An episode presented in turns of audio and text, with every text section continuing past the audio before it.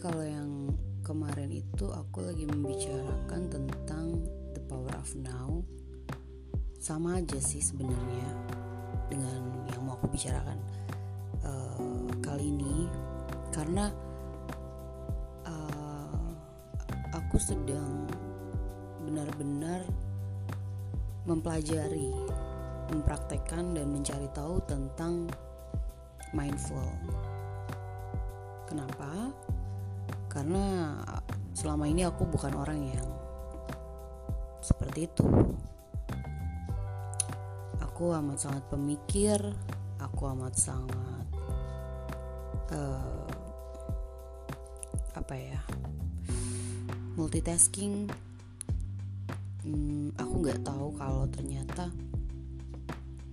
mindful adalah kunci dari semua habit atau atau kebiasaan buruk aku. Kunci jawaban dan kunci untuk aku menjadi manusia yang lebih baik.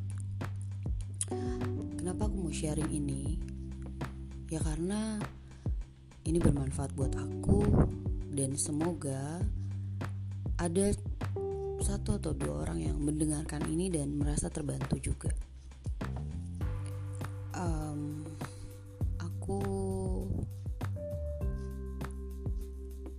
Lahir dari keluarga yang bisa dibilang uh, mediocre, keluarga sederhana. Aku nggak pernah diajarin tentang mindful, aku nggak pernah diajarin tentang um, law of attraction atau mindset, habit, and everything. Tapi untungnya aku adalah orang yang sangat amat curious gitu loh. Aku penasaran banget sama kedalaman dari karakter seseorang. Sifat dasar manusia, kenapa mereka bisa punya karakter seperti ini. Dan apa ya? penasaran aja dan aku sedang meng apa ya istilahnya mencari jawaban pada diri aku sendiri gitu jadi hmm, amat sangat disayangkan memang aku taunya setelah usiaku sudah lumayan cukup matang. Seandainya aku tahu ini dari aku SMP, SMA, mungkin hidup aku akan jauh lebih baik. Kenapa aku bicarakan tentang ini? Karena aku ingin ada orang yang tahu tentang ini. Who knows gitu ya?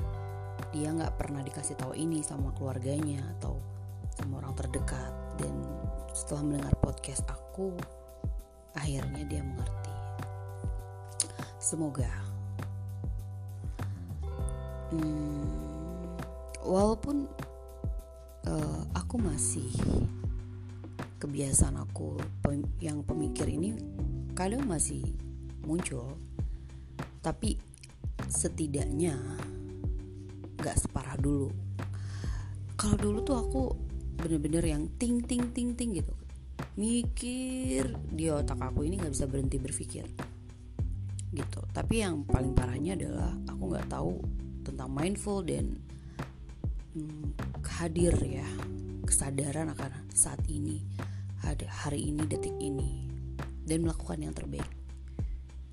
Uh, di di saat uh, di saat ini gitu loh.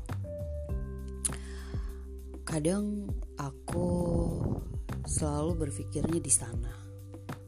Kadang di saat badan aku ada di sini aku lagi bekerja misalnya pikiran aku ke mana-mana. Dan berdasarkan pengalaman aku yang lebih dari 30 tahun hidup sebagai manusia aku merasakan itu adalah penghambat aku untuk sukses. Karena di saat aku sudah mulai mencapai titik kesuksesan itu semua hilang. Karena ketidaksabaran dan um, tidak mau melalui proses tidak mau menikmati prosesnya. Gitu. So uh, banyak hal yang hilang yang seharusnya bisa aku genggam yang harusnya bisa aku raih dan itu gone sampai akhirnya aku sekarang menyadari bahwa kita nggak bisa memaksakan sesuatu yang memang belum saatnya. Kita juga nggak bisa hmm, apa ya, tidak menghargai waktu kita di momen ini, di detik ini. Kita juga nggak boleh ingin cepat-cepat sampai tujuan, karena hidup itu ternyata bukan tujuan. Hidup itu adalah menjalani aku tuh nggak hmm, sadar bahwa banyak sekali perbuatan-perbuatan yang membuat aku justru jadi semakin jauh dari impian-impian, semakin jauh dari apa yang apa yang goals atau uh, kehidupan ideal aku, semakin jauh gitu. Semakin aku cari, semakin aku kejar, dia malah makin pergi. Karena aku nggak tahu ya bahwa ternyata bukan berarti kita santai dan gak kerja keras juga ya bukan tapi aku orang yang tidak bisa menikmati momen tidak bisa menikmati uh, kondisi di mana aku berada gitu loh. Jadi di saat aku sering banget gitu aku lagi lagi di mall misalnya lagi jalan-jalan itu aku pengen pulang pengen cepet pulang karena aku kayak tiba-tiba mikirin sesuatu yang aku harus ngerjain gitu kan. Jadi aku nggak fun lagi ya berada di satu tempat itu. Terus juga pernah nih aku jalan-jalan lagi seru gitu ya sama anak sama suami aku uh, sambil ngopi. Hmm, terus uh, di saat aku lagi seru-serunya gitu ya jalan. Padahal aku ke area ke area Lembang. Lembang itu kan banyak sekali pohon-pohon. Pemandangannya indah. Ada sawah, kebun teh bahkan bahkan ada ada hmm, kolam ikan. Gitu kebetulan jadi aku ke ke daerah sana gitu ya melewati sawah dan akhirnya melewati kebun teh itu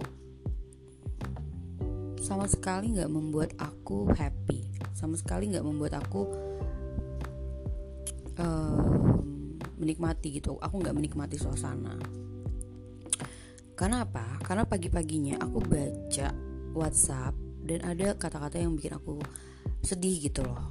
Nah, jadi sepanjang perjalanan menuju ke daerah menuju ke tempat ke tempat itu, aku bukannya menikmati suasana, bukannya menikmati jalan-jalan sama anak aku dan suami.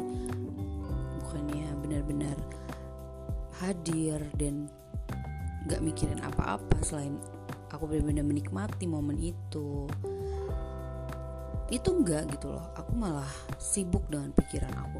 Sibuk memikirkan kata-kata apa yang harus aku balas kata-kata apa yang harus aku uh, utarakan tulisan tulisan apa nih yang bisa bikin aku balas kata-kata dia dan apa pun itulah ya. Intinya aku nggak fokus aku nggak menikmati mukaku juga bawaannya sedih gitu ya bete. And you know what? Itu asli rugi. Aku merasakan kerugian yang teramat sangat.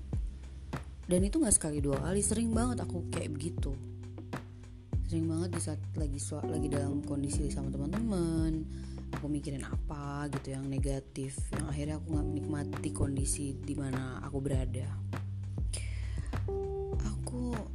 Ya mungkin karena dulu sebenarnya aku suka baca buku.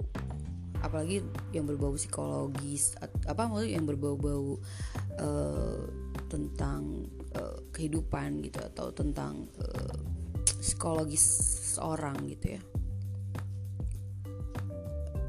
Aku tapi mungkin karena habit balik lagi ya jadi ya males dan yang lain-lain.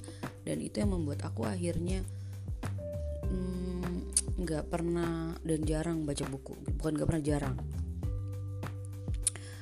Jadi aku salahnya memang nggak mencari tahu ada ada apa dengan aku ada apa dengan cara berpikir aku? Ada apa dengan hidup aku? Kenapa kok sulit menggapai impian aku? Kenapa kok uh, apa ya bisa dibilang aku minim pengalaman yang bombast bombastis bisa dibilang ya kayak pengalaman yang luar biasa gitu. Jadi kayak aku hidupnya lempeng-lempeng aja gitu. Karena aku mungkin uh, tipikal orang yang takut mencoba takut ini takut itu. Karena ya balik lagi dikuasai oleh pikiran-pikiran negatif dikuasai oleh hmm, banyak hal di pikiran aku dan itu itu amat sangat merugikan ternyata. Uh, dan setelah aku tahu tentang mindful aku tuh bener-bener seperti seperti orang yang sedang melihat ke diriku sendiri. Sorry tadi ada suara motor. Uh, jadi aku tuh rumahnya di depan jalan banget. So kalau ada suara-suara bising uh, mohon maaf okay, aku lanjutkan.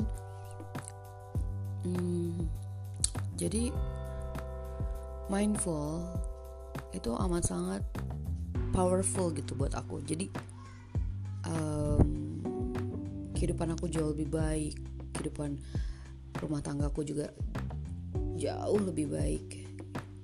Hubungan aku dengan anak semakin intens gitu ya semakin akrab dan semakin uh, dari dulu sih sebenarnya kalau aku ke anak memang aku pasti amat sangat posesif ya tapi sekarang hubungannya tuh lebih bonding banget gitu loh aku dan anak gitu karena aku baru menyadari bahwa pada dasarnya hidup itu benar-benar dijalani aja setiap menitnya, setiap detiknya.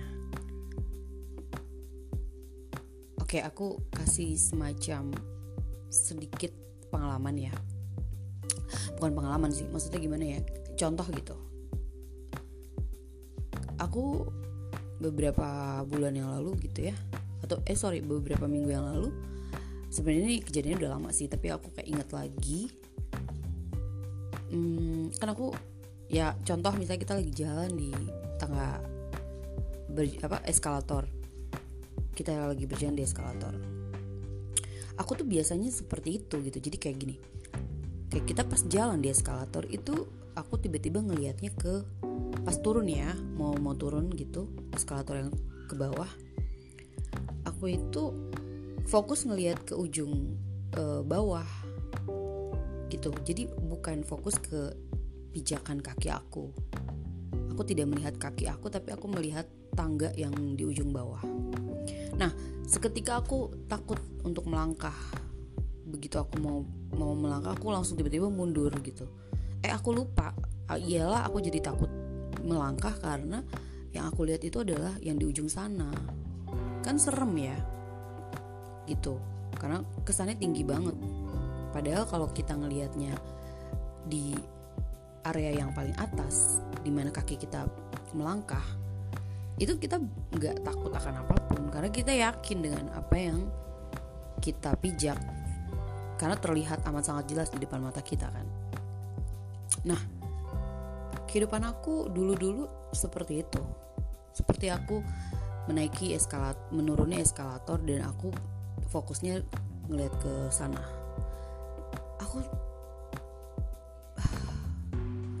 banyak deh banyak contoh-contoh deh di mana aku hmm, benar-benar merasakan kerugian dari ketidak mindfulan aku gitu ya akan keadaan di sekitar aku. Banyaklah banyak contoh. Ya contoh yang di saat aku kerja kantor. Aku nggak menjadi yang luar biasa. Karena ya itu pikiranku tuh di saat aku lagi kerja aku pengen pulang karena aku pengen jalan-jalan nongkrong sama temen-temen minum kopi gitu ya minum ngopi-ngopi cantik.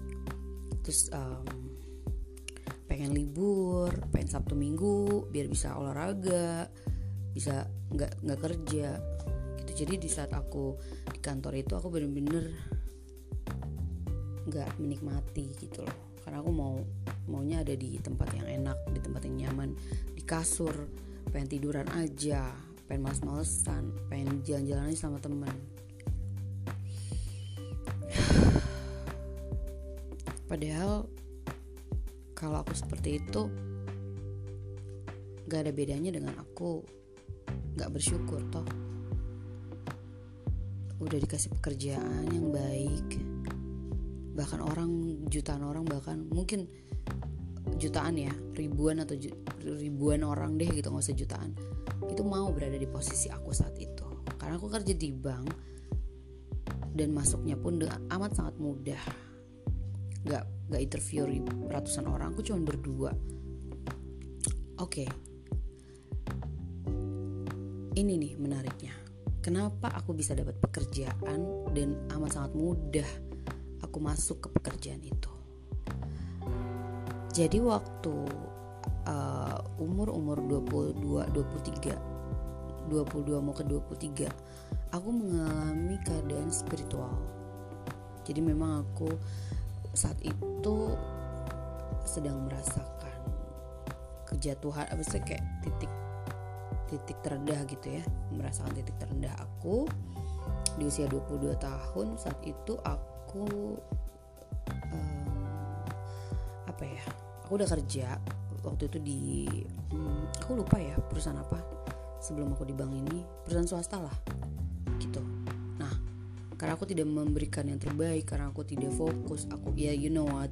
Aku tuh model cuma model apa ya bisa dibilang hmm, aku karena suka dandan. Mungkin mereka melihatnya penampilan aja saat itu. Karena juga masih muda ya. Uh, nah setelah aku kerja ya mungkin aku nggak nggak totalitas ya ya karena kan aku masih belum tahu tentang mindful dan fokus and everything gitu ya. Jadi aku masih menjadi orang yang biasa-biasa aja kurang disiplin. Gitu gitulah akhirnya aku dipecat gitu ya. Dan saat itu aku dipecat. Hmm, ya karena aku tidak memberikan kinerja yang baik masuk kesiangan gitulah pokoknya. Nah aku sedih dan akhirnya aku saat itu bener-bener uh, down banget. Terus aku juga baru putus dari pasangan um, pokoknya sedih lah ya gitu terus um, aku tiba-tiba baca buku papaku judulnya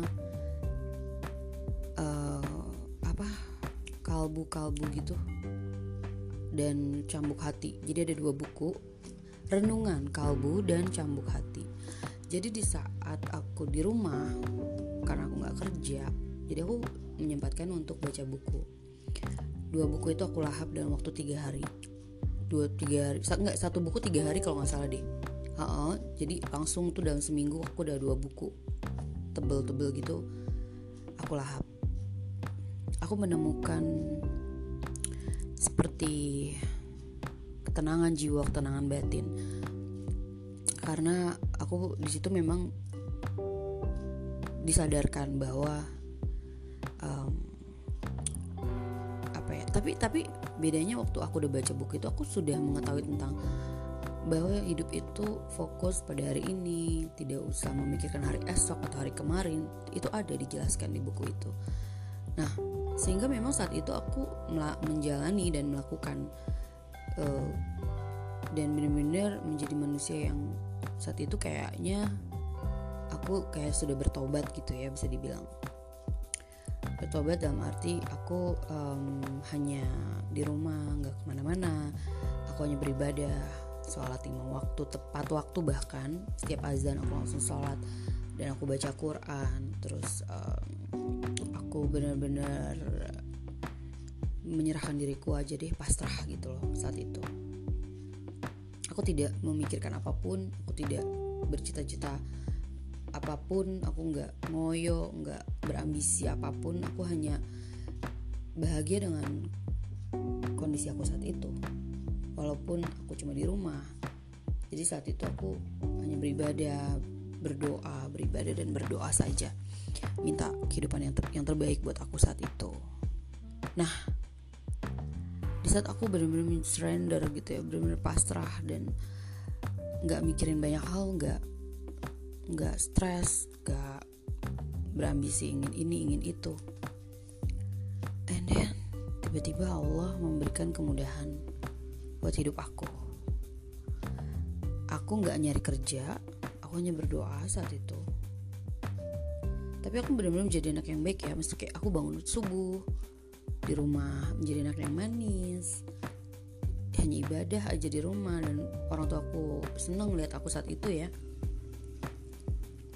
bahkan aku saat itu mau pakai kerudung juga mau berjilbab segitunya ya karena aku benar-benar saat aku benar-benar apa namanya hmm,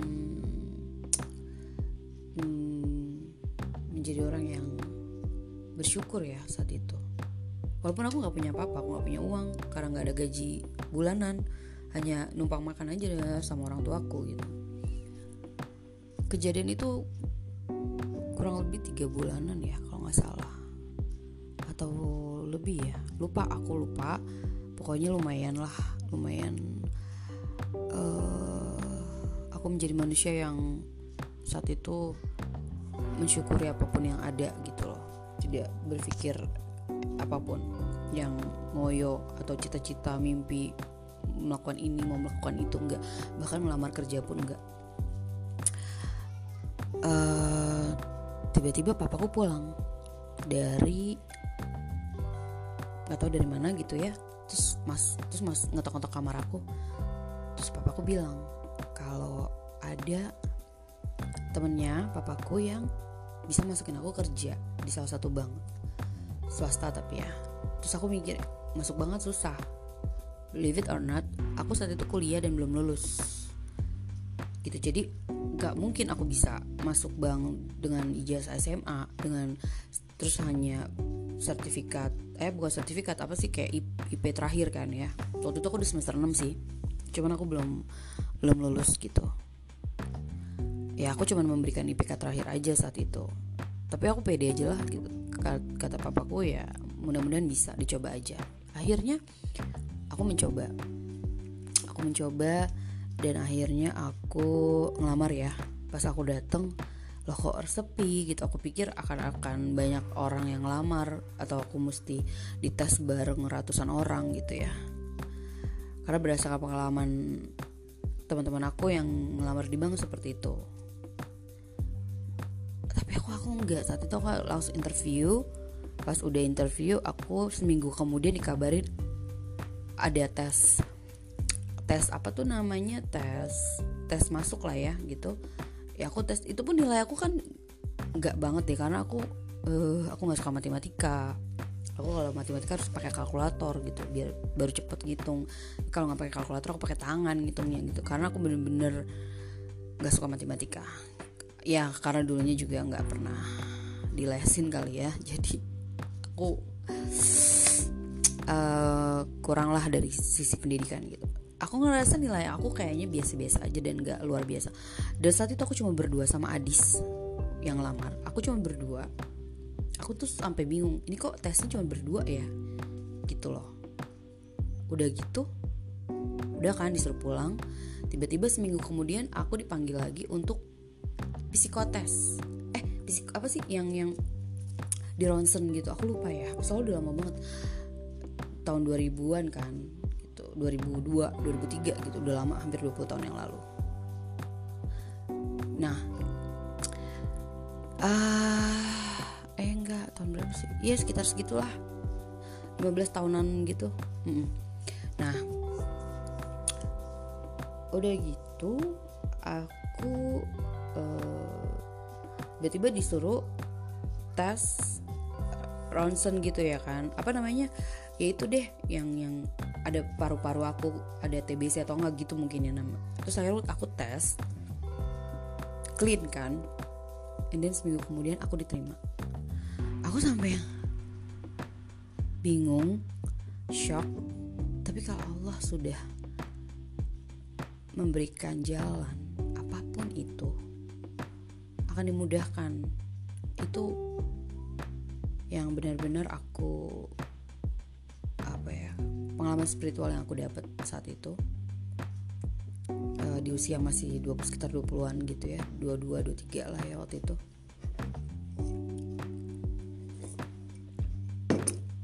Uh, jadi aku tuh masih nggak habis pikir kok aku bisa keterima ya? Tapi ya udah dong aku bersyukur. Tapi saat itu aku masih yang masih puasa Senin Kamis. Aku masih ibadahnya taat masih tepat waktu.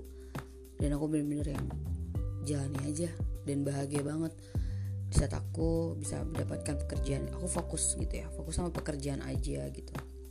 Until one years later aku mulai kembali ke karakter asli.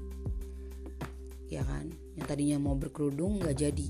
Bukannya beli baju-baju yang tertutup aku malah koleksi lagi baju-baju ketat rok pendek gitu loh terus aku mulai berambisi banyak hal. Aku mulai mau jadi uh, aku nggak mau jadi teller. Kalau waktu itu aku masuk jadi teller dulu kan. Tiba-tiba aku pengen jadi CS tiba-tiba aku pengen jadi RM tiba-tiba aku pengen uh, jadi makeup artis. Uh setelah dari situ ya kehidupan aku 180 derajat dipersulit. Bukan dipersulit kayak sulit gitu. Bukan sulit ya nggak sulit sih tapi mimpi aku tuh bahkan di saat aku menginginkan itu nggak dapet gitu loh. Karena aku maksa maunya saat ini. Maunya detik ini. Aku amat sangat nggak present nggak mindful itu artinya aku maunya tuh sesuatu yang aku inginkan itu harus harus hari ini gitu terjadi. Dan kalau enggak ya aku pasti berantakan dan